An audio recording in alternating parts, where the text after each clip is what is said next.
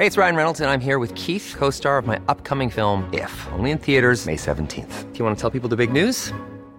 All right, I'll do it. Sign up now and you'll get unlimited for $15 a month in six months of Paramount Plus Essential Plan on us. Mintmobile.com slash switch.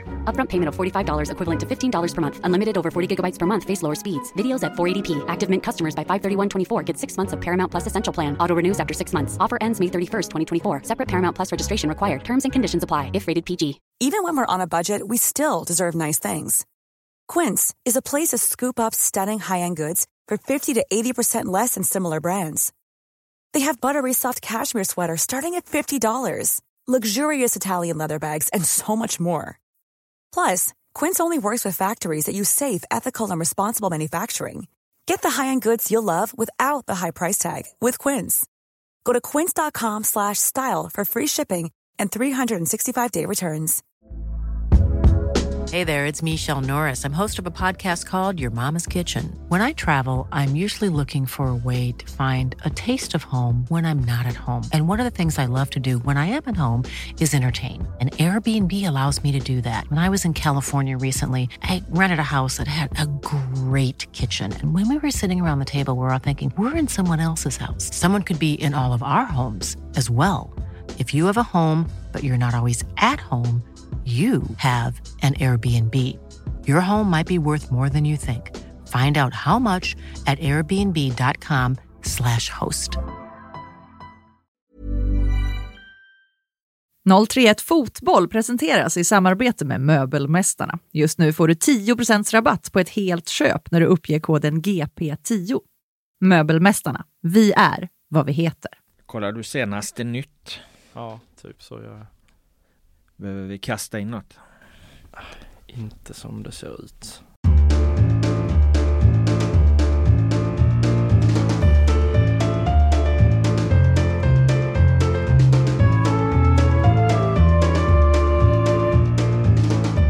Hej och välkomna till GPs fotbollspodd som fortfarande saknar ett namn men där vi fokuserar på Göteborgsfotbollen i allmänhet och Göteborgsfotbollen i synnerhet. Vi som gör det är jag, Robert Laul och Filip Troler. Linus Pettersson har ju lämnat oss för den mörka sidan men vi är på plats i studion. Filip, det är fullt upp antar jag. Du försvann här en stund strax innan inspelningen för att gå hem och gå ut med din hund. sånt måste också hinnas med. Jag och eh, jag jobbar ju mycket kväll vanligtvis eh, och då tar min tjej då som jobbar dagtid, då brukar vi ta skiften där med hunden men eh, idag var jag tvungen att gå in och jobba dag och då får man springa hem på lunchen och, och rasta den lilla vovven. Vad är det för jycke? Det är en Cavalier King Charles Spaniel. Vad fan är det? Ja det har du ingen koll på alltså. Nej, inte den Du, blekaste. du, där. du är ingen hundvän Robban. Han vet vad en chef är. Nej men det är en liten rackare. Du kan, eh, om du inte har så bra koll så kan vi väl jämföra henne med eh, Lady i Lady och Lufsen. Ungefär Okej. lite så ser hon ut faktiskt. Jag tror du skulle jämföra med en fotbollsspelare. Niklas Bärkroth eller? Ja, ja, precis. ja, hon är jävligt snabb. Hon älskar verkligen bollar och när vi lirar lite där hemma i lägenheten så är hon eh, ja, rätt snabb i lite teknik sådär så Niklas Bärkroth låter väl som en bra jämförelse. Ja, ja, hon kanske hade gjort bättre ifrån sig i ÖIS då än vad Bärkroth har gjort. Vi ska komma in på ÖIS eh, eh, givetvis eh, lite senare i det här eh, programmet. Eh, vi ska också kasta oss över eh, Tobias Sana Gate eh, som ju protesterat sig ut ur IFK Göteborg för tillfället. Eh, vi ska fundera lite kring om Häcken är Sveriges roligaste fotbollslag. Det blir lite Gais, lite Utsikten och lite BK Häcken FF också som ju studsar tillbaka fint efter två kryss.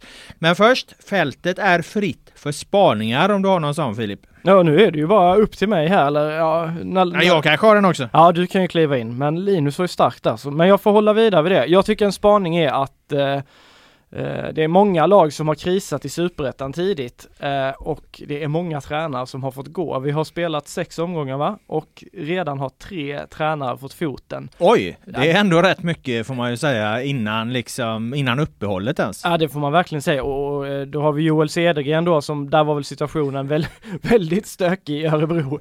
Eh, Han kom väl helt snett in i det där och spelarna ville inte ha kvar honom. Han försvann, han försvann väl bara efter en match. Ja, en match Jag tror det ja. Och sen var det Patrik Gildefalk i, i J Södra som eh, rök därefter och de har ju börjat bedrövligt så, så han är väck och sen nu senast var det då Dali Bosavic som försvann från Dalkurd och eh, Ja, jag vet inte fasen, det känns inte som att det har varit lite lugnare med tränarsparkningar på, på senare år jämfört med en, en period där det kändes som de rök hela tiden. Men, men nu är det ju som sagt tre här på sex omgångar. Det är ju fan eh, otroligt. Ja, det är eh, väldigt, väldigt snabbt. Eh, en, en, sak jag skrev om i veckan eh, tangerar ju lite det här. Jag skrev ju om Jens Gustafsson i min veckokrönika som lämnar U21-landslaget också efter en fotbollsmatch. Han får inte sparken men han har liksom hoppat på ett, ett, ja, ett erbjudande i Polen av någon jävla anledning liksom att lämna det här stackars U21-landslaget i sticket efter en match. Det kan man ju också ifrågasätta fast från andra hållet då. Ja precis. Det Nej, det, det snackas ju så mycket om kontinuitet från alla håll och kanter men eh, det är inte så jävla mycket kontinuitet eh, på, på vissa ställen än, alltså det är nästan Alltså det blir nästan larvigt ju. Ja det är klart det blir. Ja, så eh, nej. Äh, men det är ändå äh, anmärkningsvärt tycker jag definitivt att äh, så mycket förändring, att, att, att klubbarna är så stressade så tidigt. Jag tror förklaringen är det ekonomiska som vi så ofta pratar om. Liksom, vi har ju varit inne på det hur många gånger som helst när vi har berört guys och sådär. Men det är 100 000 om du spelar i, i ettan i, i centrala bidrag. Det är typ 10, 8-10 miljoner om du spelar superettan. De är livrädda för att åka ur och då är det många som väljer, väljer den vägen att nej, vi måste förändra direkt. Ja, då blir det paniklösningar istället. Ja. Eh, bra spaning. Jag har faktiskt också en eh, på ett liknande tema fast ändå inte. Eh, och det ska jag leda in så här att, att eh, GP, Göteborgs-Posten, du och Linus senast eh, eh brukar utse årets sportchef. Mm. Eh, det, det, jag vet inte, det är en tradition ni har haft ganska många år eller var det bara nu i, i... Ja, det var faktiskt bara i år. Vi brukar okay. göra lite sådana där sammanfattningar som vi skickar ut i juletid mm. sådär som folk ska kunna sitta och mysa med. Men eh, just sportchefen var faktiskt första gången denna gången. Ja. Men det hade vi väl tänkt köra vidare med? Ja absolut. Eller och jag. ja, ja, ja. Då, och då ska jag fråga dig, har IFK Göteborg en sportchef? Nej. Har ÖIS en sportchef? Nej. Har Gais en sportchef? Nej. Har Utsikten en sportchef? Nej. Har BK Häcken FF en sportchef? Nej. Nej, årets sportchef blir alltså Martin Eriksson i BK Häcken, för inga andra ställde upp. Ja den är magisk den faktiskt. Jag tänkte inte ens på det nu när du säger det till mig här. Ja ni kör vidare på det. Ja, ja men det kör vi vidare med. Alltså. Ja men det är klart ni ska göra men det blir ju Martin ja, Eriksson det... för det är den enda sportchefen som finns i ja, våra lag här. Grattis, god, god jul, vi kan säga allting Martin. Bra jobbat, du vinner i år. Du kan skriva den redan ja, nu. Ja det gör jag fasen. Nej men det är ju faktiskt sjukt alltså. Lite mer seriöst sådär liksom att, att Farnerud är borta Krulje är borta och där, där har vi liksom ingen klarhet i, i hur det riktigt blir eh, på längre sikt. Eh, och där är det väl mycket liksom kopplat till att de vill få till en förändring och sådär. Men och Utsikten, där kan man väl argumentera för att Ingmar Lundin har väl ändå en sportchefsroll, men han känns ju lite flytande i allt. Han gör ju allt i Ja, han flåsar liksom. Eriksson i nacken ändå, Lundin då. ja, det är väl Lundin då. Och eh, ja, sen vet ju fan, Bosko har ju någon slags eh, liksom titel som manager. Det är, det är lite stök och bök där liksom, hur, vem som gör, gör vad eller vem som är ansvarig. Så har de MP och gänget som sköter scouting och sådär. Så det, ja, jag vet inte fan om vi ens kan, kan ha med Ingmar där i den Eh, Men det är lite intressant då att det är bara en klubb som har en sportchef. Ja, det är det faktiskt. Alltså, det är väldigt intressant. Men jag vet inte om trenden, jag vet inte om, vad du känner liksom, är det att det går mer åt det här managerhållet eller? Ja, alltså rimligen så borde det göra det för att jag menar när trupperna växer och sta, eh, staberna växer och tränarna får fler tränare under sig så blir det liksom mer logiskt att man tar efter det internationella, att, att, att, att man jobbar mer med managers eh, ja. då liksom. Och, och, men å andra sidan, vi har ju internationella exempel, man har både en manager och sportchef och, och, och så. Så att eh, jag vet inte, jag tror att det där det går lite fram och tillbaka. Alltså Elfsborg är väl lite föregångare här då på det att, att de jobbar med, med, med manager och klubbdirektör som samarbetar mm. då. Eh, och det klart, det blir ju en, en, en tung lönepost mindre om man gör det på det sättet. Ja, så är det ju. Det är säkert i vissa fall ek ekonomiska koppling, men ja, fan Elfsborg är kanske lite eh, någonstans en förebild där för mm. många när man, när man allvarligt talar liksom att de gör det så jäkla bra, strukturerat, tydligt och det finns ju inte den här risken som det alltid blir med sportchef kontra tränare, att de inte drar jämnt och att man inte pratar samma språk. Och det var ju den känslan man fick runt Farnerud och, och Blåvitt där i alla fall.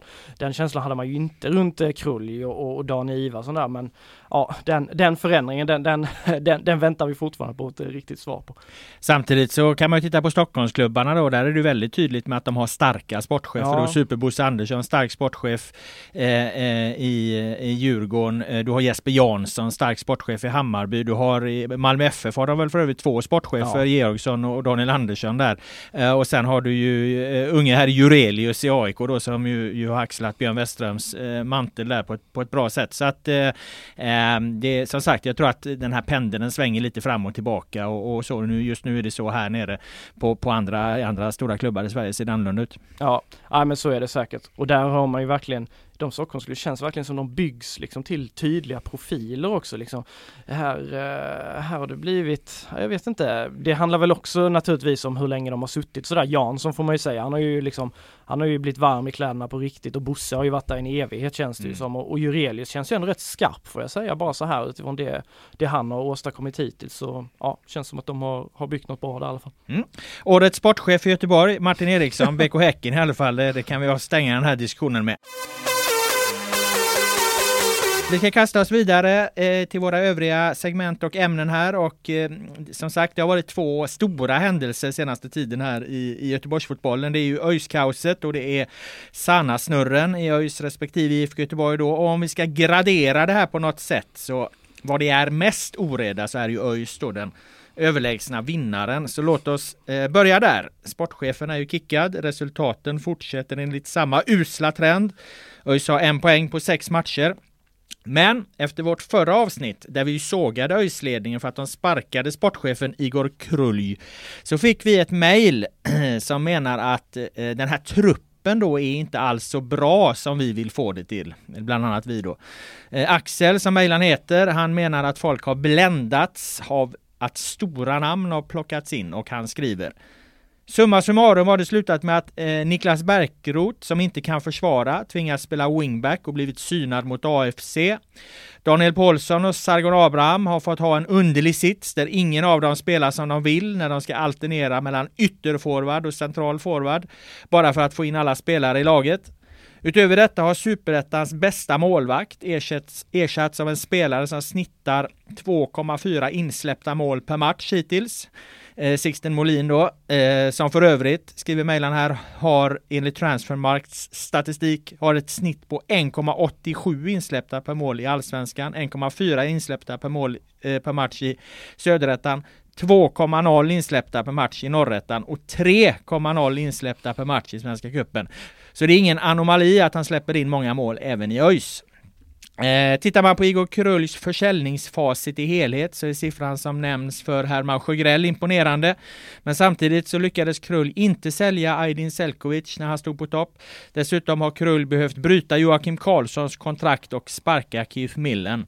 Jag tycker inte heller det var rätt beslut att sparka Igor Krull i nuläget, men det känns som att hans värv i ÖIS har fått en status som inte riktigt speglar verkligheten skriver våran mejlare då. Och ja, eh, Filip, vad, vad har du att säga till vårt försvar? Eller har han rätt den här gubben?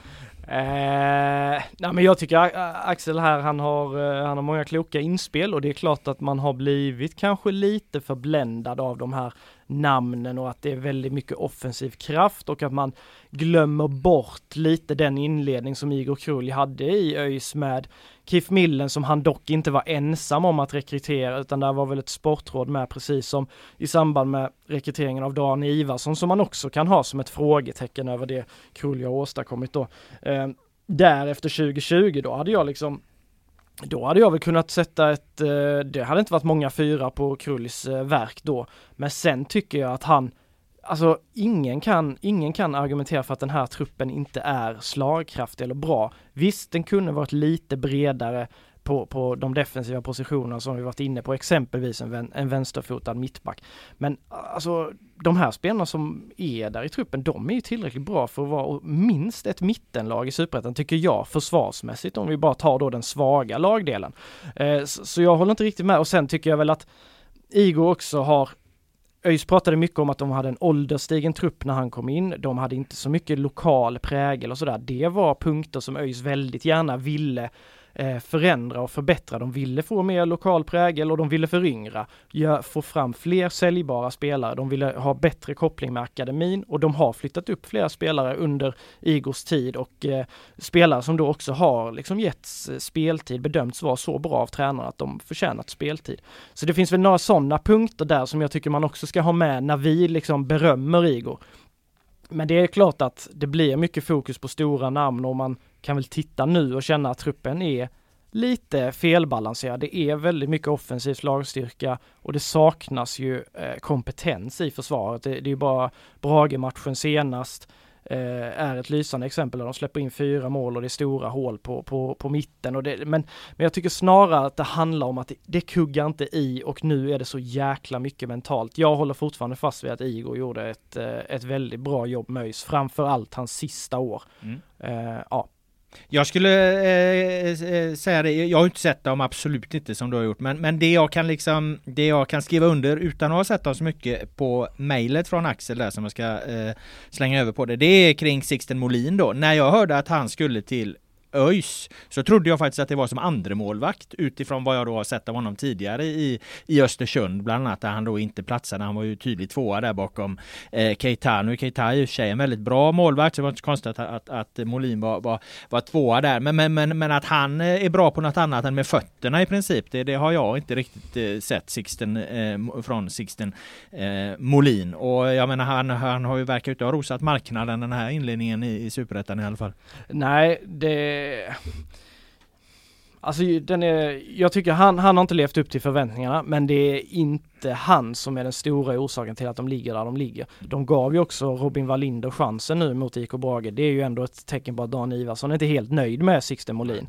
Men Robin Wallinder gjorde ju en jättefin första halvlek där han stod för eh, liksom vassa benparader och räddade ÖIS kvar matchen. Sen gör han två horribla ingripande i, i andra. Ett där han liksom ser ut som att han har solen i ögonen men inte har den och släpper in den i bortre, en höjdboll. Och sen ett annat liksom där han fumlar med bollen när han ska ta emot den och rulla igång kort och bara bjuder Brage på öppet mål egentligen. Så han gjorde en eh, liksom brutalt svag insats. Det betyder ju dock inte att Sixten Molin är bra. Det kan ju betyda att de har två usla målvakter istället. Nej, jag vill inte kalla dem usla men, men det Sixten Molin, det är klart när man, eh, får ju säga gediget arbete av Axel där med den statistiken han hade fått fram och, och, och det är väl fakta att han har släppt in mycket mål och ÖIS pratade väldigt mycket om när man tog in Sixten som att han är bra med fötterna. Kanske har de tittat lite för mycket på det och det kan jag väl tycka att det det var inte helt förvånande om Dan Ivarsson tittar på en målvakt är bra med nej, fötterna nej, som vill ju ha, det, ha, ha den dimensionen. Självklart, det är ju superviktigt och, och, och det är liksom begripligt till 100% Men jag tycker generellt i svensk fotboll så har det blivit lite det här att eh, Ja men det gäller fan även mittbackar och, och ytterbackar och så här. Allting handlar om hur bra du är med bollen, hur bra du är på att hitta fram eh, passningar och liksom det är ingen jävel som kan försvara längre Det är ingen jävel som kan försvara längre. Nej men det, det är klart att det finns några men det, det, blir färre och färre tycker jag som är tydligt jävligt bra på att försvara. Målvakter Ja, det snackas minst lika mycket om att de ska vara bra med fötterna, sätta igång, kunna rulla lugn i passningsspelet, som att de ska vara bra på att liksom ta ner inlägg, eh, red, reflexräddningar, leda sin backlinje. Alltså, jag tycker det har fått lite för stora, det har tippat över lite för mycket. Pendeln har svängt för långt där. Ja men lite så. Sen, eh, jag tycker det känns orättvist att underkänna Sixten Molin. Mm. Alltså Östersund var ett jävla läckage. Att, att dra för stora växlar av det, det tycker jag inte man ska göra. Men det är klart statistiken finns där. Men jag tycker man kan inte underkänna honom och hans tid i ÖIS redan. Det går inte. Eh, Igor Krull är ju däremot historia och då undrar man ju Filip, eh, vad händer nu i ÖIS? Du kommer ju, ja innan du rastade din hund där, eh, vad fan det nu hette, så, så kom du väl i princip från ÖIS-gården också? Ja det gjorde jag. Jag var uppe där och kikade lite och det det är klart att ÖIS hoppades ju på en ordentlig nystart här mot, eh, mot Brage i söndags. Första 20 minuterna var då såg man någonting, då såg man att det brann, de spelade fint högt pressspel, tryckte på, hade ett par chanser. Hade målet kommit där, då kanske det hade blivit den här energiboosten. Det blir inte så och sen faller de ihop, alltså på ett på ett sätt som faktiskt är, jag tycker det är skamligt liksom hur de uppträder i andra halvlek och hur de inte lyckas få stopp på blödningen. Det gör ju att Dan Ivarssons framtid blir mer och mer och mer ifrågasatt. Om man ser på sociala medier, forum, man hör bland supportrar man träffar och så här. De, alltså tålamodet är slut nu. Och det känner ju eh, ÖIS-ledningen och det är ju också de uppgifterna vi, vi har tagit del av. Jag och ytterligare ett par kollegor på redaktionen har ju liksom hört surret nu att, att det i alla fall tittas på en, eh, en eventuell rokad, att Dane också kommer få gå Eh, antingen så eh, får han chansen här att leda laget hela, hela vägen maj ut kanske.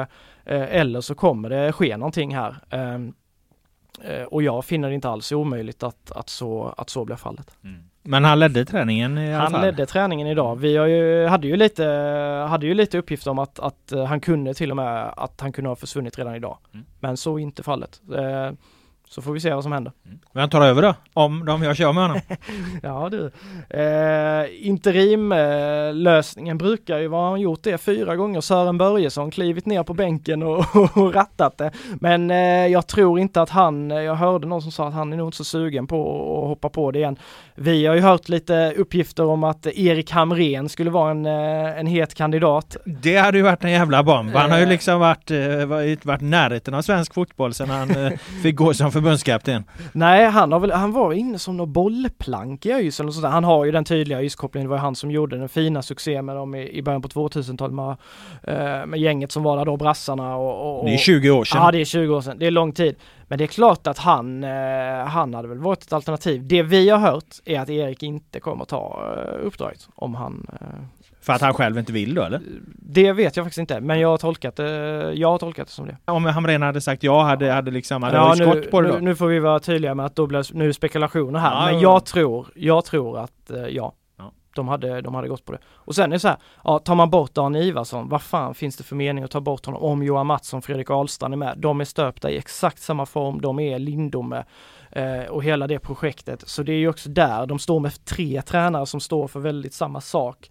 Och då blir det också en ekonomisk fråga såklart. De sitter på, på Dane sitter ju på treårskontrakt från början, ett och ett, och ett halvt år kvar på det kontraktet. Man har precis dumpat Igor Krull, ingen aning om vad han får men han vill ju ha någon kompensation. Han har ju sex månaders uppsägning, han har ju säkert fått en årslön eller någonting för att han, han ska gå smooth som det blev till slut ändå.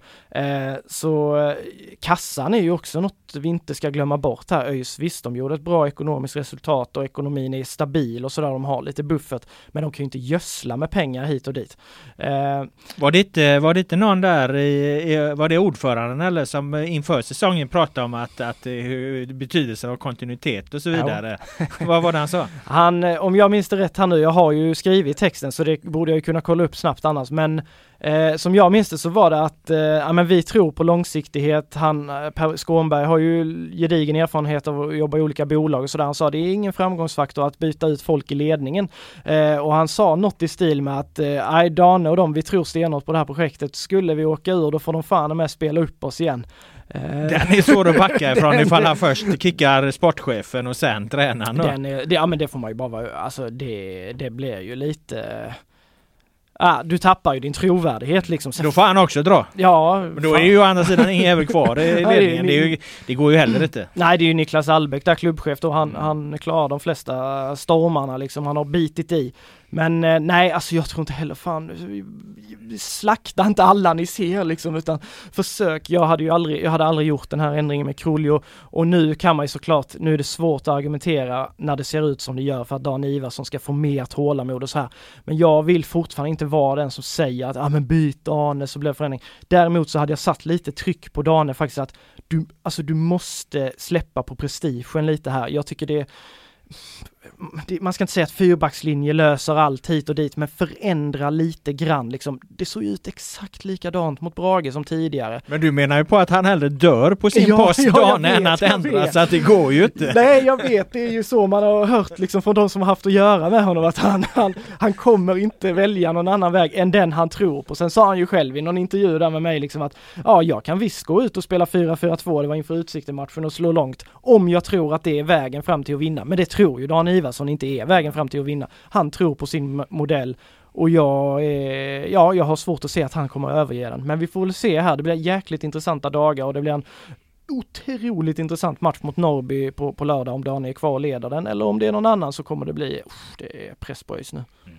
Ja, intressanta dagar som du säger. Eh, har du någon liksom, får du ihop en Svennis-skala här enligt kategorierna bra, mycket bra och mycket, mycket bra efter, efter det här deback, 04 debaclet? Ja du, det, det, alltså det är så svårt. Jag har ju sagt det några gånger tidigare att det är svårt, men jag har, jag, jag funderar lite när jag satt och åt lunch här liksom, fan har jag, har jag det i mig eller ja.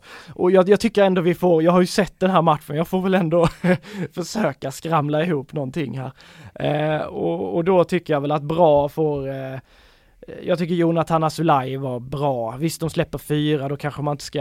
En försvarsspelare där då, helt, eh, när de släpper fyra. Ja, det är helt Å andra sidan gör de inga framåt. Nej, så att... så, så det, alltså nu får vi ju återigen trycka på det här. Det är i otroligt svag konkurrens. Men han, han får en bra därför, jag tycker han var jäkligt pigg eh, de här första 20-25 minuterna. Han tog för sig på ett sätt som påminde om det han visade förra året. Han klev fram och gav understöd i offensiven som gjorde att de hittade liksom lite andra vinklar. Hampus Dahlqvist fick lite mer utrymme och Ja, nej, jag tycker han, eh, ja, han, han, gjorde ingen bra match, men han var, han var mindre dålig. Okay.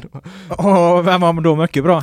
Ja men där eh, sätter jag nog eh, Anton Andreasson gjorde ju ingen supermatch men hans eh, inställning får han, eh, han får mycket bra för det. Jag tycker han visar lite mer, alltså karaktären då.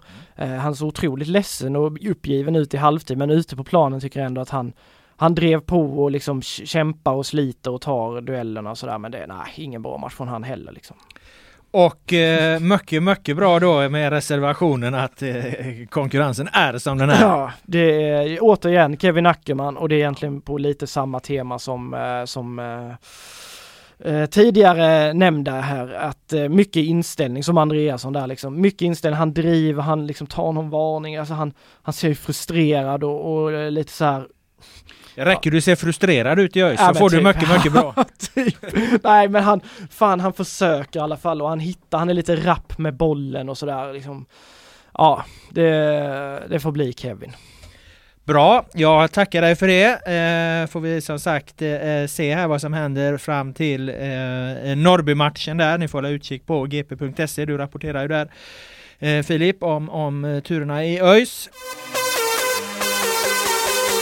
Eh, vi ska gå över till eh, IFK Göteborg där det ju också har varit livat. Eh, kanske inte sportsligt så mycket. Eh, 0-1 borta mot AIK är ju inget konstigt resultat. Det var ju AIKs fjärde raka 1-0 vinst på hemmaplan. Eh, vi nämnde ju här att det på förhand var en match som stinker 2-0 till Gnaget. Eh, det gjorde det ju nästan då. Eh, däremot saknades Tobias Sana då i den här matchen och eh, kring det, för det, har ju, det hände ju efter vår senaste poddinspelning så vi har inte berört det ännu. Tänkte jag köra en kortare recap här då eh, där du Filip ska få hjälpa mig att, att eh, eh, förstå vissa saker här. För att i min värld så är det här eh, väldigt enkelt. Det spelar liksom ingen roll vad Tobias Sana har eh, gjort, utan det gäller att det, det, liksom, det räcker att förhålla sig till det här med logik. Eh, situationen skulle ju aldrig uppstå om det inte fanns en anledning till det. Om vi nu förhåller oss till det här som att tränaren Mikael Stare har bett Tobias Sana att pausa ett tag, så är det ju en tränares skyldighet och uppgift om han anser att spelaren har gått över gränsen. Det spelar liksom ingen roll vad spelaren har gjort. Det är ju tränaren som drar den gränsen och jag fattar inte att folk liksom inte förstår det här. Det behövs egentligen ingen mer information. Och vet du varför? Därför att ingen tränare i helvetet skulle ju plötsligt plocka bort en spelare ur verksamheten om det inte var det bästa för verksamheten. Vilken tränare skulle liksom vilja skapa den här situationen, avvara en av sina bästa spelare, hela havet stormar runt laget om det inte var absolut nödvändigt? Snälla Filip, hjälp mig att förstå liksom varför vissa inte förstår det här. Ja, när du lägger fram det så så är det klart att då, då kan det låta som en eh, självklarhet att, att, att det här jag menar att det har, det har ju hänt något väldigt allvarligt liksom och, och, som, och tränaren har, han har den mandaten liksom att om han, han bedömer att en spelare att en spelare har gjort något som vi tolkade disciplinära skäl som, som verkligen bryter mot ja, koden eller vad fan man ska säga eh, så, så, så är det ju, då är det ju som det är. Men både du och jag förstår ju att folk undrar, folk undrar ju alltid. Vi rotar ju i det här, vad, vad är det som har hänt? Vad är, vad är anledningen? Hur allvarligt är det? Och vi är ju på Blåvitt kommunicerar liksom eh, om man vill ha svar, man vill ha svar, man vill ha svar. Så eh, ja, jag tycker väl det är lite både och där. Men jag menar, det är bara att ta våran egen arbetsplats. Om, om eh, helt plötsligt du skulle saknas här en dag och mm. så eh, eh, eh, får vi höra från våran chef Magneten då mm. att ja men Filip det, det, det är personliga skäl eller Filip är avstängd av olika anledningar. Alltså det, det, det blir ju liksom varför skulle, varför skulle Magneten plocka väck dig helt plötsligt om du inte har gjort något? Nej men det är, det är klart att han inte skulle göra... Nej jag menar, men det, det är ju samma med Stara. Ja, liksom. ja, ja, ja. Nej men det, men hade du inte undrat, ja vad fan har Filip gjort? Ja, undrat ja, absolut. Ja. Det, alltså, att vara nyfiken är en sak, men jag talar lite om skuldfrågan här liksom. Ja. Att, att, eh, att det finns liksom ingen anledning att tvivla på att Stare, eller vilken tränare det nu skulle vara, skapar den här Nej. situationen om det inte fanns en jävligt god anledning till det. För jag menar, Stare och alla i blod, de fattar att i samma sekund som Tobias Sana, en av de liksom bästa spelarna som spelar mest, på samma sekund som han försvinner ur verksamheten och är borta från viktig match, då kommer det storma. Det fattar ju de liksom. Så att, så att de är ju fullt införstådda med att nu gör de det här till ett pris. Men det priset är lägre än att de ska behålla honom i verksamheten den här mm, veckan. Mm. Nej men så, alltså jag köper ju det. Jag tror absolut inte att, att men man kan ju också tänka så här det finns ju fotbollstränare som är så jävla stora egon, som sätter så hårt på prestigen liksom att de ska få visa sin maktposition. Mikael Stare är ändå i en maktposition jäm jämfört med Tobias Sana. Nu tror jag inte att Stare, för han är en förnuftig herre liksom, så jag tror inte att han skulle göra det här av en sån Alltså ett sånt principskäl, absolut inte. Jag tror definitivt att det är något som har hänt som han anser är så grovt att han måste ta bort Strana och han är beredd på att då får vi ta den här stormen liksom. Men eh, jag, jag tror ändå att det finns tränare som skulle kunna göra det bara för att det är total jävla spricka och att man ja, avskyr en spelare. Ja men det köper jag att det skulle kunna finnas eh, eh, det, det, skulle kunna finnas tränare som, som har gjort det. Men om man då tittar liksom på Stara, han har varit fotbollstränare i, i, i 20 år typ eh, och i alla fall i 15 på hög mm. nivå då. Mm. Och vad jag, vad jag har kunnat titta då så har han en gång tidigare hamnat i en situation där han har stängt av en spelare. Så ja. han är ju liksom ingen tränare som, som, som, som använder sig av det. Han spelar ju inte det kortet liksom. Och då talar det återigen till att jo okej, okay, här, här räcker det med logik då. Uh -huh. Jag jag anser ju att jag förstår varför han har gjort det. Vad, vad, vad jag fattat så har ju Sanna liksom, han har protesterat mot att han blev utbytt i 96 minuten mot Häcken. Han har klagat på, på den kollektiva taktiken utifrån sin individuella roll i, i, i en paus eh, när de leder med 1-0 mot Kalmar. Eh, och han har ovanpå det då hamnat i den här Instagram liksom mm. härva nu då som visserligen uppstår efteråt. Men jag menar i min bok är det tillräckligt mycket för att och, och, och be honom ta en paus ett tag och, och, och förklara jävligt tydligt att så här kan vi inte ha det. Ja nej men det är klart den här Instagram som då händer som sagt efter det här, det, den är ju eh, det, det är ju inte genomtänkt och det är ju så jävla dumt liksom. Men eh, den här halvtidsgrejen, jag är jävligt nyfiken på om det verkligen, alltså visst, det är ju också jävligt, alla som har tävlat någon gång och lagidrott eller så här, vet att det kan brinna, alltså man kan bli sjuk i huvudet av av idrott och sport och vinnande. Eh, du kan säga saker som du absolut inte menar, du kan liksom få totala frispel. Och ju, alltså, det tycker jag någonstans, det måste man ha jävligt Eh, stor respekt för också och verkligen ta in det när man gör bedömningen om den här personen har gått över någon gräns. Precis som det gafflas om Kim Bergstrand här nu att, alltså han är ju otrevlig i den här intervjun med, med Discovery, men han är ju också så här, han är ju så jäkla besviken där. Jag, jag köper, jag, jag, jag, tycker han uppträder lite olämpligt liksom i, i sitt sätt och bemötande och sådär. Men det är, det är så mycket känslor och om Sana har Ja, nej, jag tycker ändå man ska ha väldigt stor förståelse för det. Men jag tror det måste finnas mer. Jag tror det måste finnas mer i det här. Ja, och eh, jag tycker det är ett eh, stort problem att, att, att eh, protestera mot att du ja. blir utbytt i 96 ja. minuter. Det är också liksom ett, ett då, då, då, då respekterar du någonstans inte dina Nej. lagkamrater. Och sen då om det kommer ytterligare en sak på det i, i, i omklädningsrummet där man då ifrågasätter liksom sin, sin individuella del i taktiken. då blir det ju liksom en fråga, var ska då tränaren börja ja. dra en gräns? Hur långt och hur mycket konsekvenser ska de få? Man kan ju säga liksom att det kanske är en bidragande bidragande orsak till att han går ut och förlorar andra halvleken med, med, med 1-0 till exempel. Då har du ju fått ganska allvarliga konsekvenser. Men som jag var inne på inledningsvis, oavsett så måste ju tränaren dra gränsen och oavsett mm. var han drar den gränsen så, så, är den inte fel för det är han som måste dra den gränsen. Det finns ingen annan som kan dra en gräns. Nej. Det är lite det jag är inne på. En annan grej som dök upp i allt det här nu, det var ju att jag såg att någon lirare var ute någonstans och snurrade om att det var fake med den här liksom Instagram-liken eh, där. Eh, jag har liksom ingen aning om vad, vad, vad, vad hur det skulle kunna vara fejkat. För utifrån vad jag har sett så råder det ingen tvekan om att Sanas Instagramkonto likade den här eh, nedsättande eh, Stare-kommentaren. Sen om det var Sanas barn som lekte med telefonen eller vad fan det var. Det kan man ju, det, det är ju helt omöjligt att veta. Men att eh, liken var där, det blir bara larvigt att påstå något annat. Ja, i alla fall med den fakta som jag, eller vad det man har sett så eh, vore det högst osannolikt att det inte kommer från hans eh, riktiga konto liksom. Det där med barn, barnen leker med telefonen. det brukar ju alla sådana här eh, internetdårar hatare, de brukar ju säga det är barnbarn och barn och sådär som brukar ta mobilen när det har skrivits det ena och det andra. Men aj, det är klart som fan alltså det Ja, Nej men vad jag menar är bara att, att, att Instagramkontot, hans Instagramkonto likade. Sen vem som tryckte på, på hans ja, telefon, ja, det, det, går ju inte, det kan ju vi aldrig veta. Nej, nej, nej så är det ju. Det men det är klart att det är problematiskt och, och det är klart att det också är problematiskt att en spelare eh, så tydligt då om man gnäller om ett byte i 96 så här, ja det är känslor, det är mycket så här. Det, det, måste man ha förståelse för. Men det är också som du säger, man måste underkasta sig, man, man det är ett lag, ni är alla där tillsammans och det blir ju indirekt en, en liksom eh, litet fuck you till lagkompisarna på, på, på det sättet.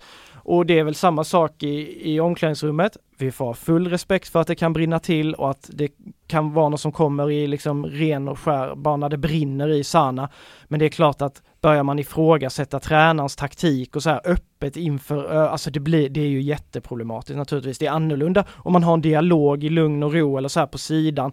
Eh, ja, men försöker hitta en väg framåt hur man kan använda den personen mer och så vidare. Men eh, ja, oavsett vilket så är ju, jag tycker det är så jävla synd också för Sana, tycker jag i alla fall är ett Eh, ja men du vet när man kommer till Kamratgården och är där och så, så känns han alltid som en kille som verkligen tar hand om alla och är en liten lagpappa särskilt för så nya, nya spelare och verkar vara en jävla varm och god kille så jag, jag blir lite så här, ja jag, jag tycker bara det är sorgligt hela alltet. Eh, vad händer nu då kan man ju fråga sig. Min teori är att eh, Sana ber om ursäkt på något sätt. Han kommer tillbaka antingen innan den här Varbergsmatchen som är deras nästa match eh, eller strax efteråt. Eh, men lämnar Blåvitt eh, under sommarens transferfönster. Vad gör du för den spaningen? Ja, jag tror inte det är osannolikt. Eller jag tror det är ganska sannolikt till och med. Jag tror de kommer försöka släta över det här lite. Eh, att det lägger sig så han får komma tillbaka, inte säkert att han kommer få starta och sådär. Nej men han kommer få komma tillbaka och träna. Ja, han kommer få komma tillbaka och träna. Jag tror faktiskt också att, att Stare skulle liksom, nu vet vi inte exakt vad som har hänt men, men jag tror ju att han skulle kunna spela honom också. Och att de håller ut här lite och att Sana sen eh, tar någon, eh, tar någon sväng i, i sommar.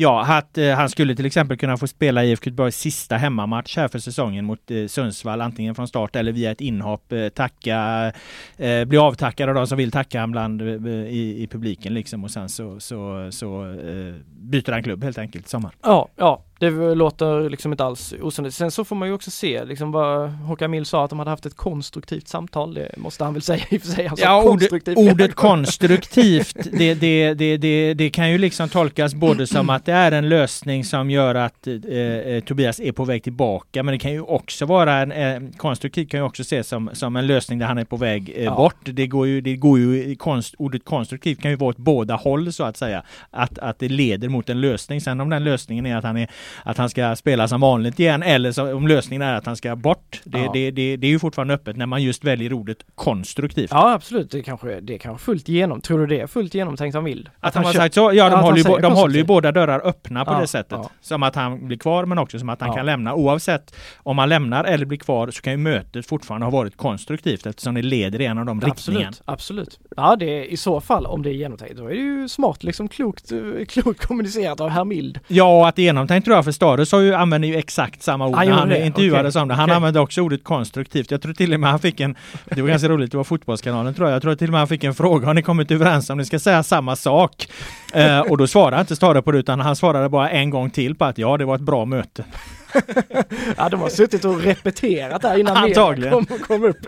Ja, nej. nej, men det ska bli, vi får se vad som, eh, vad som händer. Vi vet ju inte heller alltså hur de internt bedömer allvarlighetsgraden, även om vi förstår att det är allvarligt och att, och, eftersom Sana blir avstängd. Men hur liksom benägen i Stara att förlåta och sådär också. Ja. Jag tror det du sa där tidigare att Sana i grund och botten är omtyckt. Han har gjort jävligt mycket gott eh, för andra spelare. Han har varit bra på väldigt många sätt. Det tror jag gör att skulle han genuint eh, be om ursäkt, skulle han inte längre eh, ha den här då, ja, protestera på det här sättet, skulle han verkligen liksom vara ångerfull och visa, då tror jag att hans väg tillbaka är, är väldigt kort. Ja. För att, just för att han har den bakgrunden ja, också. Han har en fin grund att stå på liksom. Jag tycker verkligen han har varit ja men en god ambassadör för Blåvitt sen han kom tillbaka från Malmö. Man tänkte ju att det var helt jävla omöjligt efter spjutincidenten och, och, och det där. Men eh, sedan dess så tycker jag han har visat Alltså även i svåra tider när det har blåst för Blåvitt så har ju han varit en av spelarna som absolut kan stå rakryggad, kommit ut till intervjuer, tagit snacket, alltså match efter match när han har bränt straff i 90, alltså nej men jag tycker ändå han, han står för något jävligt bra. Sen säger jag ingenting om det han har gjort nu. Det är... men, då måste, men då måste han rätta in sig ja, i ledet. Måste, absolut, och då tror absolut. jag inte att Stare har några bekymmer nej, med det. Jag tror Stare är faktiskt den typen av, som, som du sa, han har stängt av en spelare under 15 år, det var Dooley Johnson va? Ja. Och, och, och, han har ändå haft en del stökiga liksom personligheter att göra med så han, han känns ju som en bra person på att ta, alltså ta det där och, och, och kunna vara förlåtande också. Mm. Eh, vi ska lämna det där. Vi har ju Svennis-skalan på eh, AIK-matchen också som jag tar hand om och eh, där har vi en debutant på den skalan. Jag tycker nämligen att Oskar Wendt var bra i den här matchen för han fick sannerligen inte mycket hjälp av eh, Hussein Kanei då eh, som ju också var allsvensk debutant eh, från start i den här matchen. Han fick inte mycket hjälp av Kanei i, i defensiven eh, så att Wendt blev väldigt, väldigt utsatt och jag tyckte ändå att han stod upp ganska bra eh, mot bakgrund av att det blev, den här matchen blev en väldigt svår uppgift för honom. AIK överbelastade ju klokt nog på den här vänstersidan också för de, de förstod ju det att, att okej okay, eh, Hussein Kanei gör sin första allsvenska match från start här. Han är 18-19 år. Eh, han kommer få problem i offensiven, man kommer framförallt få problem i defensiven. Så att Wendt hade det jobbigt, tyckte han löste det eh, utifrån förutsättningarna bra.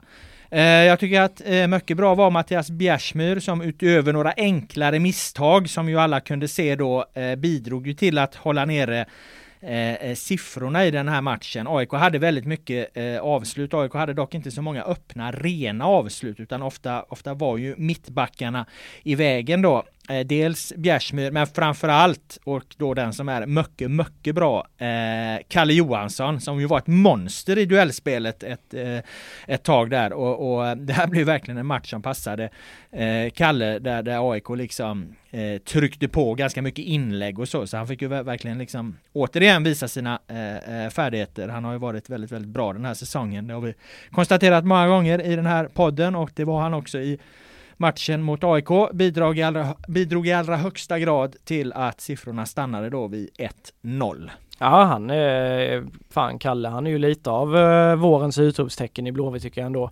Jag såg också den här matchen och den var ju, ja, jag håller med om Wendt också, när Elbosedi och Mendes var det väl där på, på högkanten, alltså han var ju helt kanel, fick en jobbig start på matchen, missade några enkla passningar. Tappa boll direkt. Ja, tappa boll direkt och så liksom valpig ut där. Han blev säkert väldigt bra på sikt och han har fått mycket beröm för sina träningar och sådär och man har ju själv sett de träningar man har varit på att han har han har mycket klass men där hade han det jobbigt. Så, så Wendt gjorde det bra, han steppat upp lite där. Vi, alltså jag tycker han har varit lite svajig defensivt så här tidigare men jag tycker han har eh, hittat lite mer stabilitet i sig och sådär men Ja, Blåvitt i stort är ju ändå, det är en jobbig match nu mot Varberg alltså.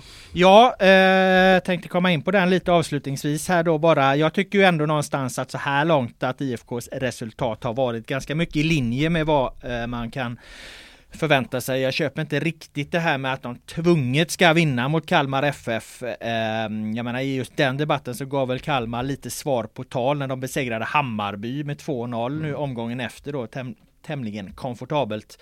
Eh, så jag håller fast där vid att det var liksom inte Stares sena byten som gjorde att IFK förlorade utan tillfälligheter i kombination med att man mötte en hyfsat jämnstark motståndare. Hemmafördelen, hemmaplansfördelen inkluderad. Däremot så ska de ju nu som du är inne på där givetvis vinna mot Varberg och gör Blåvitt inte det, då tycker jag väl att det finns större anledning att, eh, att eh, kritisera laget. Eh, men det är då det ifall de nu inte skulle lyckas vinna mot Varberg. Positivt är ju att de drar ju fortfarande mycket publik, 11 000 eh, biljetter sålda till till den matchen och eh, det behövs för att de lär ju ha budgeterat med publikintäkter i nivå med ett snitt på runt 12 000 åskådare. Det finns ju olika sätt att öka publikintäkter bortsett från att liksom massan ökar. Men, men de, behöver, de behöver ha sin publik för att få ihop ekonomin och än så länge så, så, så kommer publiken. Över 11 000 sålda till Varberg som sagt. Ja det är faktiskt imponerande. Vi har väl varit inne lite på att det känns som att Blåvitt-fansen har kraftsamlat till den här säsongen. Att, att de här eh, nu ska vi inte säga för mycket för den riktiga lunken om det skulle bli kass och så här. Det har inte riktigt, men sen Örebro-matchen förra säsongen så känns det som att det har funnits en bestämdhet bland Blåvitt-supportrarna på ett annat sätt och det, jag tycker det är bara väldigt roligt liksom för när man ser på vissa andra håll då återigen att publiksiffrorna dalar och sådär att att Blåvitt-fansen sluter upp och även det här de, de jagar ju något rekord där på bortaresandet och var väl eh, 2 500 man uppe i Stockholm och har en spännande bortamatch mot Elfsborg som de också brukar ha stort följe med eh, till, till Borås och sådär eh, här i maj också så det, ja, det känns ändå som att pulsen finns kvar där men det är klart att eh, Varberg blir nog lite vägskäl här. Eh, ja det är ett litet stresstest för ja, allt det, det är lite det och det är ju inga bra minnen de har med sig från fjolåret. Det var, det var nästan, får vi säga, två sämsta prestationerna under, under fjolåret kom ju faktiskt mot Varberg. Bortamatchen var ju katastrof och sen hemmamatchen var ju Ja, det var nästan ännu sämre så de har haft svårt för Jocke P's gäng, men vi får se. Och samma där, liksom, nu är det fyra raka här väl utan vinst. Så det är också den aspekten, fan fem raka ut, alltså du vet, det snurrar snabbt den onda spiralen då. 031 Fotboll presenteras i samarbete med Möbelmästarna. Just nu får du 10% rabatt på ett helt köp när du uppger koden GP10. Möbelmästarna, vi är vad vi heter. Jag var på Finnvedsvallen och såg BK Häcken besegra Värnamo i måndags. Eh, efteråt fick jag lite feeling och skrev krönikan om att Häcken är allsvenskans roligaste fotbollslag just nu. Inte enbart utifrån den matchen, eh, väldigt lite utifrån just den matchen, men, eh, men utifrån att det aldrig är långtråkigt att kolla på Häcken. Det händer liksom grejer i alla riktningar. De gör massa mål, de släpper också in en massa mål. Hemma på plasten på Bravida har de liksom ett rasande snabbt eh, anfallsspel. Jag räknade ut det att de har liksom efter bottenlagen då eh, Degerfors och eh, GIF Sundsvall så har de högst målomsättning. Förstår du vad jag menar när jag säger målomsättning Filip? Ja. Alltså, de har alltså, eh, om du plussar insläppta plus gjorda så, så kommer Häcken upp på 22 och det är de, det, det, det är flest i Allsvenskan då. Så att vill du se mål, vill du se chanser, vill du se liksom, vill du, ha, eh, vill du se hockey höll jag på att säga, då ska du gå och kolla på Häcken. ja, det låter ju eh, hockey, ja. Nej men det Får se hur den landar. Ja precis. Det, jag har ju ganska gott öga till hockey även om jag gillar fotboll mer men eh, jag tror, tror, tror inte fotbollssupportrarna strävar så jävla mycket efter hockeyliknelser. Men eh, det är ju tydligt att det händer mycket i deras matcher. Vi kan ju kasta med ÖIS från Superettan, de ligger ju sist men det händer också mycket i deras matcher. Det har blivit en jävla massa, det är 16 insläppta och 7-8 framåt eller någonting. De hade haft 24 då eller någonting på sex matcher. Men det är dock inte så jävla roligt så att häcken, häcken har ju trots allt med den här stora målomsättningen precis klivit upp på fjärde plats i tabellen och det är, ju- det är ju bra. Ja, ja men absolut. De har fan repat sig nu efter, eh, man tänkte ju derbyförlusten mot Blåvitt där. Ja, då var det lite så här, mm, vad händer nu liksom? Hur kommer de ta sig vidare från detta? Men de eh, är ju det laget som har tågat vidare bäst därifrån och eh, Det, var, det är också den enda matchen Häcken inte har gjort mål i just eh, Ja. i, mot IFK Göteborg. De har gjort mål i alla, alla, alla sina andra matcher.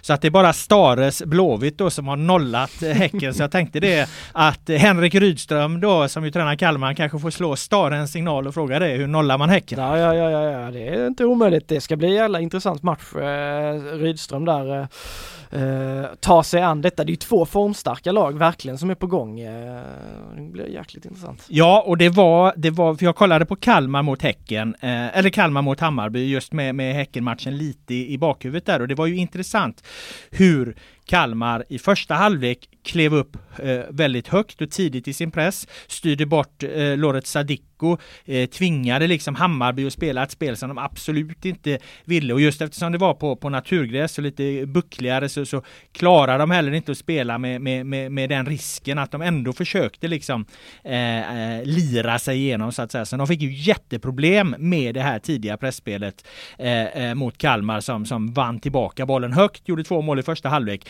Sen när liksom Cifuentes, Eh, Hammar, eh, Hammarbys tränare då liksom skulle korrigera allt det här till, till andra halvlek, då ändrade de ju delvis en hel del eh, Rydströms Kalmar, så då drog de sig lite tillbaka istället så att då, då fick de liksom inget betalt för det heller. Då fick de istället byta ut liksom både eh, Eh, både ja, Bojanic bytte de ju bland annat ut och Besara också eh, och, och, och, skapade egentligen ingenting mot, mot Kalmar i, i, andra halvlek, i alla fall inte särskilt mycket. Så att eh, det, var ju en taktisk triumf eh, av Rydström mot, eh, mot Cifuentes samarbete. och jag funderar lite på, kommer han om Rydström kommer göra samma sak här nu då mot, mot Häcken, om de kommer kliva högt på Samuel Gustafsson exempelvis, för att han vill ju ha mycket boll. Han vill ju liksom vara startare där och sen så går ju bollen som på ett snöre, det här fina mittfältet, Gustav Berggren, eh, Eh, Micke Rygaard, men kommer liksom, kommer Kalmar tillåta det eller kommer de liksom screena bort eh, det spelet? Så att Häcken måste knacka långt mot Jeremejeff istället och det, grejen är ju att med Jeremejeff så, så, så är de ju inte helt urusla på det heller. Han är ju väldigt bra på att ta in bollen så att nej, det ska bli ur ett taktiskt perspektiv är, är den matchen superspännande alltså. Ja verkligen, och, men det som du säger, Häcken har ju, det känns som de har många strängar på sin lyra liksom. Det, det är inget lag du kan döda genom att göra på ett sätt. Alltså, särskilt inte hemma då Nej, på, särskilt inte på hemma. Nej precis, de har, eh, och det är ju en jäkla styrka får man säga. Sen får man ju plussa för Rydström här. Jag tycker det är ju, det är ju taktisk triumf mot Blåvitt här på Gamla Ullevi. Det är en taktisk triumf mot Hammarby där han kliver in och liksom förändrar matcher utan att det är några så här, du vet, genialiska byten eller bara hur han flyttar, vad han, vad han ger för order till sitt lag och hur de anammar det. Det visar på fingertoppskänsla i, i matchsituationer. Så han, han har styrkebesked som matchcoach från Rydström. Mm, vi ska se hur han lyckas då mot Häcken. Som sagt, jag har en, en Svennis-skala eh, från eh, Värnamo-matchen på Häcken som vi ska eh, eh, redovisa. Det var faktiskt, eh, det, var, det var liksom långt ifrån Häckens bästa match i år det här. Det var ju också på en ganska gropig gräsmatta så att de, de, de fick ju inte ut spelet så som, som de brukar få hemma på Bravida då. Men det var ändå ganska många om budet där. Oskar Uddenäs eh, kommer inte inte med. Eh, ändå kan jag liksom, jag skulle kunna argumentera för att Oskar Uddenäs egentligen var Häckens bästa spelare, men han, han hamnade liksom inte i de, i, de, i de avgörande, eller han bidrog inte i de avgörande situationerna så att han faller av den anledning, anledningen bort, även om det skulle kunna gå att argumentera för att, att Oskar Uddenäs faktiskt var Häckens bästa spelare i den här matchen. Men det räcker inte för att komma med på Svenneskalan den här gången. Istället får eh, Alexander Jeremejeff göra bra. Han avgör ju hela matchen med sitt eh, 2-1 eh, mål och han var då som sagt, som jag nämnde lite tidigare, otroligt viktig när de tvingades till den här längre bollen. Du vet, han kan ta in den, fixa en frispark eller, eller hålla i den så att övriga laget eh, får flytta upp och, och, och jag menar det, det är inte så sexigt men det är otroligt viktigt i fotboll liksom att, att eh, att man får till den detaljen. Eh, samtidigt så brände han då också ett gyllene läge Jeremejeff, vad är det någonting de skulle kanske behöva då eh, Häcken där, det är ju att, att inte leda med 2-1 utan istället leda med 3-1. Nu blev det ju istället så att Peter Abrahamsson fick rädda dem, så han får eh, mycket bra. Eh, han stod på, för ett par oerhört kvalificerade och då poängräddande räddningen. Han har ju eh, gjort en fin säsong överlag tycker jag Abrahamsson förutom den här då frisparken mot Helsingborg när han ställde upp årets eh, sämsta mur konstaterade vi väl. Eh, och mycket, mycket bra då går till Mikkel Rygaard eh, som vallar... Oj, oj, oj, oj! Han vallade in sitt första allsvenska mål, ett historiskt mål. Han vallade in det via ett Värnamoben. Det var ju historiskt för att det var ju första målet som Värnamo släppte in på Finnvedsvallen i allsvenskan ah. genom tiderna eftersom de hade hållit nollan mellan övriga matcher i år då. Eh, så att det var ett historiskt mål, det första. Eh, och Rygaard var allmänt briljant skulle jag säga och nyttig på att liksom ta ut, få ut bollen från trånga ytor. Han kan ju liksom både eh, transportera bollen och, och, och, spela ut den när det blir lite trångt och man behöver liksom byta kant och så här. Dessutom tyckte jag att han hanterade gräset bra där. Eh, han är ju dansk, det är möjligen eh, det som förklarar den saken. Ja, det är inte så jävla mycket konstgräsplaner där. Han var, var futsalspelare också. Ja, det är han ju det också. Så. Ja, då, behärskar alla underlag. Ja, då, och då ska man ju fan ha bra teknik. Men det är klart att det är Rygaard som gör det historiskt första allsvenska Hans första också. Ja, ja, hans första också. Suveräne Rygaard, denna fantastiska fotbollsspelare som Robert Laul har dömt ut så många gånger hittills. Eh, ja det vet du fan, det får du ta med din gamla kollega Linus som har flytt fältet här nu. Det var han som inte tog med honom på, på Svenneskalan där du en gång. kastade honom under bussen här ja. ja men det är helt rätt. Var han för övrigt, var det bara, eh, bara över på honom och Värnamo-klacken på Linus? Jag hörde att han var på plats nämligen. Nej, han satt på pressläktaren. Han satt på pressläktaren. Ja. Apropå publik från pub, publiknotering från den matchen var ju att eh, vad heter de, Getingarna då, Häckenklacken, deras buss, den fastnade i någon trafikolycka på vägen dit så att de dök upp i tr- 37 minuten med sina flaggor och sin sång och i 38 minuten så sköt Rygaard målet. Ja det är väl, det blir ju inte bättre timing. Nej, det har väl antagligen ingenting med varandra att göra men det blev en bra vinkel. Ja, ja det förstår jag. Såg att du gjorde den. Den är given. Och den är bra. Den är bra. Eh, Rygaard kände dock, han hade dock inte överhuvudtaget noterat det så att det följer ju lite när vi väl då skulle prata med honom. Men vad fan, det blev bra ändå. Vi lämnar Häcken. Eh, vi ska gå över till Geis. De är tillbaka på vinnarspåret efter att vi jinxade dem eh, senast. Och inte bara det, de eh, har ju levererat en målexplosion här och då undrar man hur fan gick det till? det var fan med på tiden, höll jag på att säga.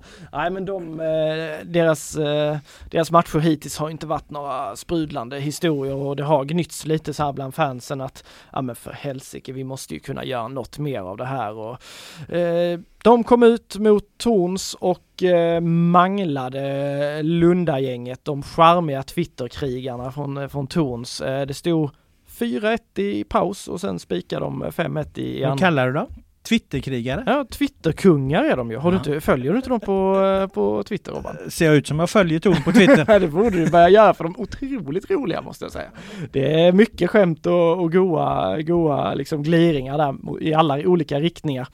Eh, de var ju inne och en, liten parentes bara så rabblar ju Gais speaker Rolle, vår fantastiska Rolle, eh, Gais inför matchen där att ja, här är Göteborgs atlet och idrottssällskap och de har fyra SM-guld och ett cupguld och sådär. Då gick de här tornrepresentanterna som var där, de satt på pressläktaren och hejade så in i helvete också när det blev mål och jubla och slog i grejerna där och var helt lyriska. Men då gick de in till Rolle i paus och sa Vad fan du glömde ju vårt DM-guld när du presenterade laget. Så Rolle gjorde ett litet tillägg där i andra halvlek. Och förlåt för att jag missade. Så han eh, pratade ut till publiken där så det var en fint liten, eh, liten bonus. Ja, det låter familjärt. Ja, absolut. Men matchen då att Guys Gais äntligen islossning och det, alltså varför det blev som det blev. De var bättre offensivt, de var framförallt tog de tillvara på sina chanser. De har inte gjort det mot Ängelholm och Åtvidaberg. Då hade de kunnat göra fler mål än de gjorde. De var mycket skarpare i de avgörande lägena. Jag tycker också att de synkar i bättre. Mittfält Axel Henriksson gjorde mål för tredje matchen i rad. Han, han har hittat sin roll mycket bättre. Jonas Lindberg fullkomligt eh, briljant i första halvlek. Eh, så de var helt enkelt, sen hade de liksom lite flax men så här eh, att Torns var ganska dassiga i försvarsingripande och sådär men totalt sett så det var, det var proppen ur för guys och det ska det nog vara för Torns kommer vara ett bottenlag. De har några bottengäng här framöver och då ska det ju rassla till lite grann. Eh, har du en Svennis-skala? Ja men det har vi. Det har Och vi. vem var bra? Eh, bra tycker jag att Michael Carbo var. Eh, han har fått mycket skit för att, ja, att, att han är ju lite så här, det är, slutprodukten är inte alltid, det händer en hel del fram och tillbaka, han dribblar och han har sig men det händer inte så mycket i, i kolumnerna så att säga. Han fick göra mål eh, i, i början på andra halvlek, kyligt, rullar in den från snäv vinkel. Han eh, gör också ett jäkla jobb matchen igenom, sliter som, som spets där och eh, ja, jag tycker det var, det var nog hans bästa match eh, hittills Mm. för säsongen. Och mycket bra. Eh, mycket bra. Ja, det var ganska tuff konkurrens om det. Eh, ben Morris eh, måste jag ändå fortsätta lyfta. Han nära på att dunka in. Han fick ju sitta bänk eh, senast mot Ängelholm tillbaka i startelvan eh, nu och han visade nog Fidde att du kan sluta hålla på och sätta mig på bänken för han är ju, han är ju hur vass som helst varenda gång han spelar.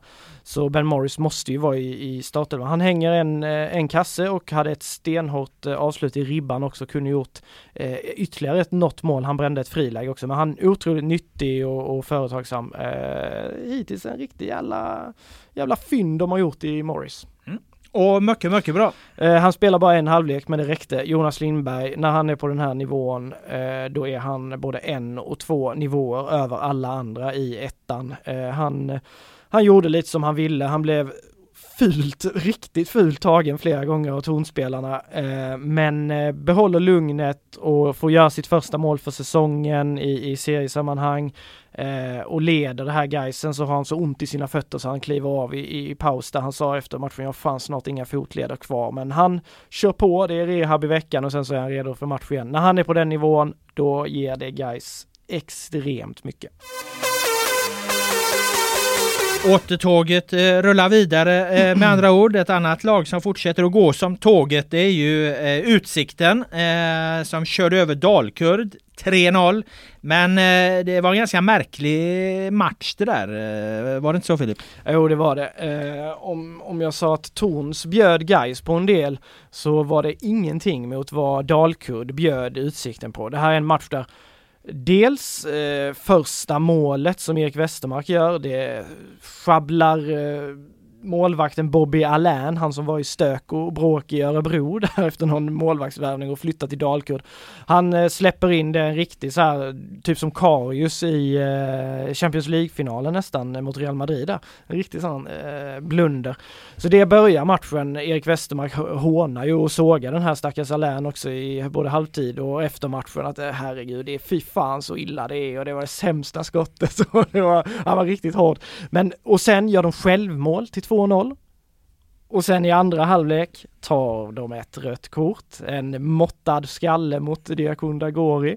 Och så går det 12 minuter så kommer Koen Kostons och tar ett gult kort för snack mot domaren som säger till. Och då tar Kostons ett eh, gult till för snack och får eh, kliva av. Och de kunde fan med ha fått ytterligare något rött. Eh, de kändes inte överhuvudtaget i balans. Men, eh, men eh, sen tränaren, eh, som vi nämnde inledningsvis också, gick väl, det var efter den här matchen han ja, gick va? Ja, Dalibor Savic där som också fick kicken från Vasalund då förra året. Han tog ju upp Vasalund till Superettan och de åkte ner direkt och han fick gå går ganska tidigt på säsongen och så kliver han in och tar över Dalkurd. Ytterligare nykomling misslyckas med det. Han, jag tror jag, jag har inte sett så mycket av Dahlqvist, ska jag inte dra några liksom så stora växlar, men eh, analysen är väl att han jäkligt bra på att få igång lag i ettan och Vasalund öste ju in mål under hans ledning. Alltså jag tror det var nästan någon form av rekord i ettan.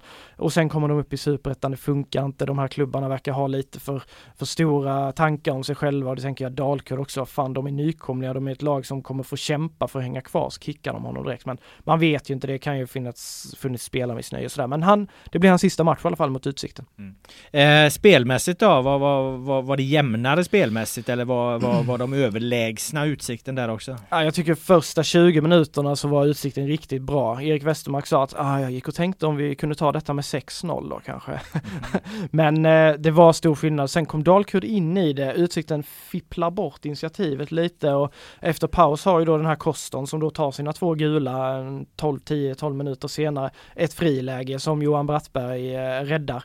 Um, så um, Ah, utsikten förtjänade att vinna men det var kanske inte riktigt så uh, stor klasskillnad så uh, som resultatet visar men fan Utsikten att tåga på där. En poäng upp till allsvensk uppflyttning. Ja det är ju otroligt. Har du Svennis-skala på dem också eller? Eh, ja men det ska vi, ska vi kunna lösa. Jag frågade för övrigt Erik Westermark så här efter matchen, ja vad fan är det? Är det allsvenskan ni siktar på nu?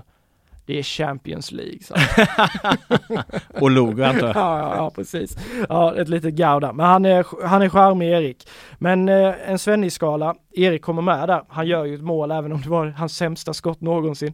Så gör han mål och han eh, tar ett jävla jobb. Alltså, han, jag, jag tyckte han gjorde väldigt bra under den tiden han var i Gais också. Han hade inte så stor roll i Gais under Boskorovic. Det är väl en tre år sedan, tre, fyra år sedan han var där. Eh, blev aldrig någon viktig spelare där men han, man behöver, du vet, om vi snackade det här att det är få som kan försvara och sådär i början, att, att alla ska vara så jävla fint liksom. Sådana spelare som Erik Westmark, han, han är en liksom grisspelare, sådana behövs och han tar fan med det hårda jobbet hela tiden och Utsikten har många sådana spelare så det är nog en väldigt stor anledning till att de har gått så bra som de gör för de, de tar verkligen jobbet alltså. Mm. Och mycket bra. Eh, William Milovanovic, eh, han trivs och har hittat rätt i Utsikten. Spelar ju där, får fortsätta spela på Bravida, men bara att det är Utsikten istället för Häcken då. Han har nog, han har som jag varit inne på, han mår väldigt bra av den här utlåningen. Jag tycker han blir mer och mer självklar i, i den här centrala mittfältsrollen för varje match som går. Funkar bra tillsammans med Predrag Grandelovic där centralt och Karl Bom var där inne också. Så eh, Milovanovic eh, är viktig hela tiden. Jag tycker han eh, växer.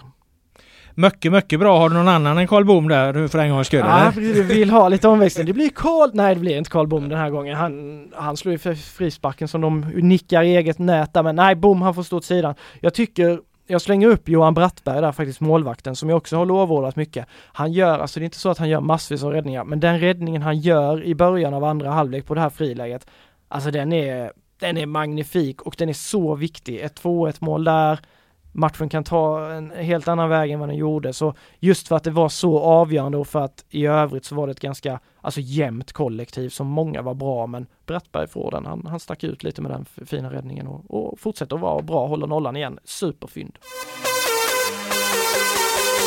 BK Häcken FF studsade ju tillbaka, vann med 2-0 hemma mot Linköping och den segern kan man väl säga var helt nödvändig. Eh, trots det är man ju två poäng bakom Rosengård och behöver alltså, så läget är just nu, vinna när de möts i Malmö i höst. Eh, dit är det ju såklart långt kvar, eh, mycket kan hända och så vidare, men eh, det gäller ju för för eh, Häcken att eh, hänga på. Eh, Rosengård eh, tappar ju inte så särskilt många poäng i den här serien.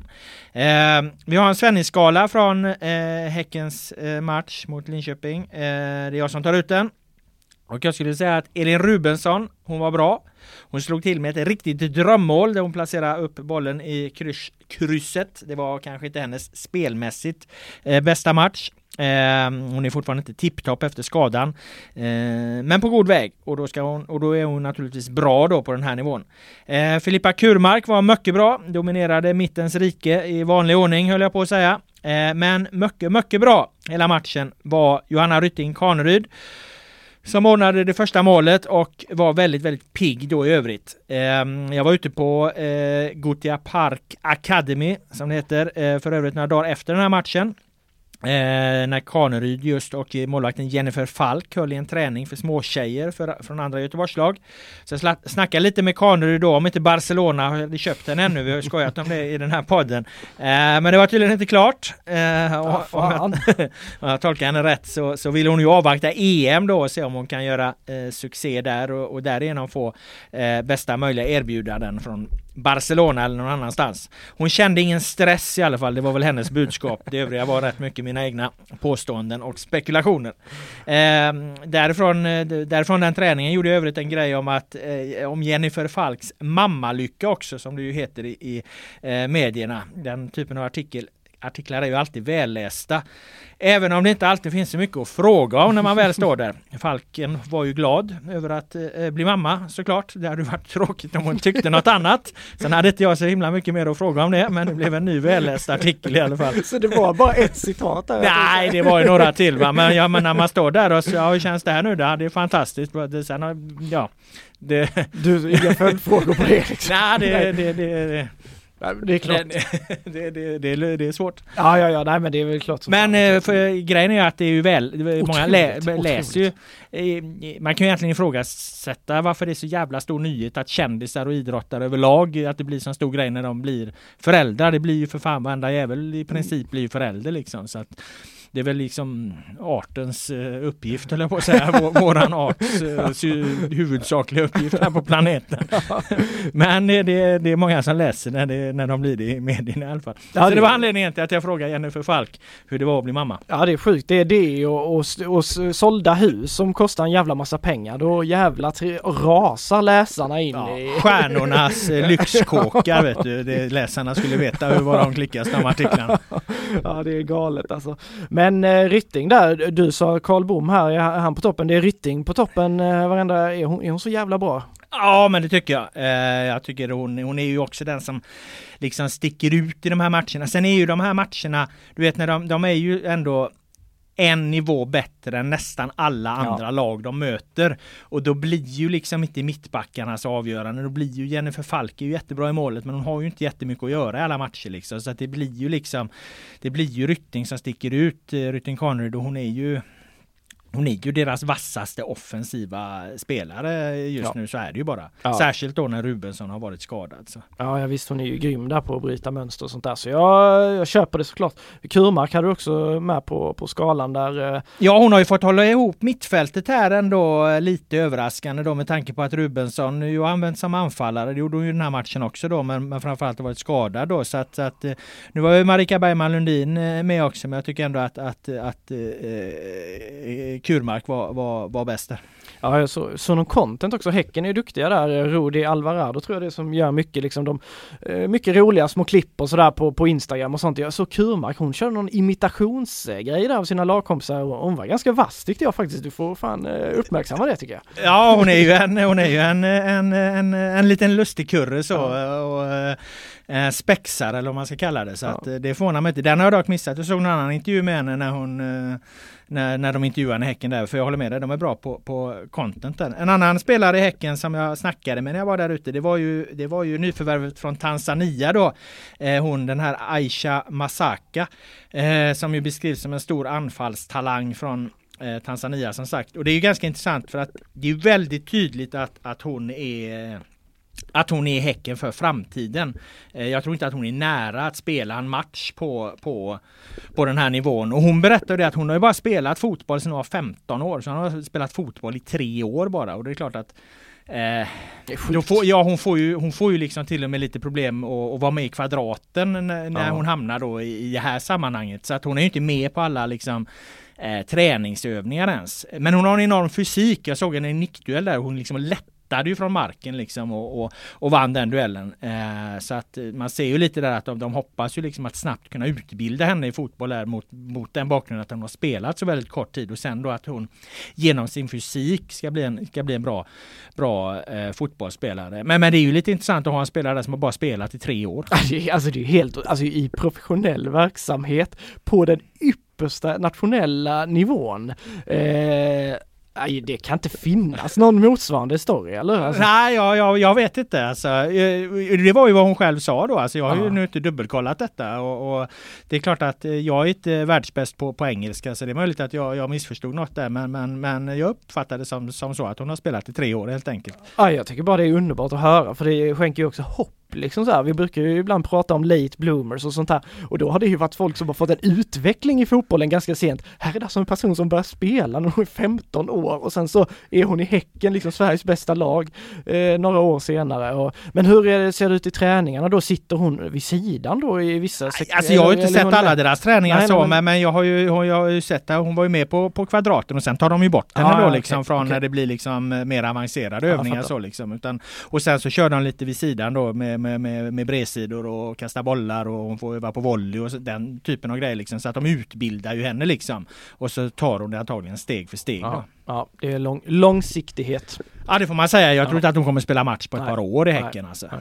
Eh, Jag har mycket svårt att se det. Men det ska bli jävligt kul att se vad, vad det tar Ja, vägen liksom. se, se, se, Just precis. Ja, precis.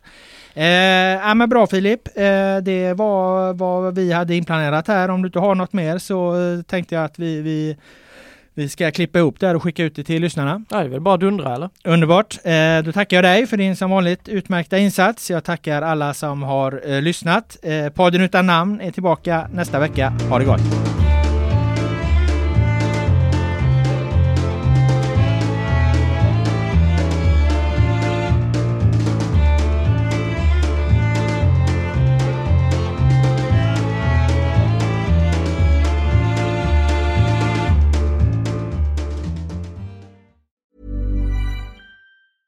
Planning for your next trip? Elevate your travel style with Quince. Quince has all the jet setting essentials you'll want for your next getaway, like European linen, premium luggage options, buttery soft Italian leather bags, and so much more. And is all priced at 50 to 80% less than similar brands. Plus, Quince only works with factories that use safe and ethical manufacturing practices. Pack your bags with high-quality essentials you'll be wearing for vacations to come with Quince. Go to quince.com slash pack for free shipping and 365-day returns.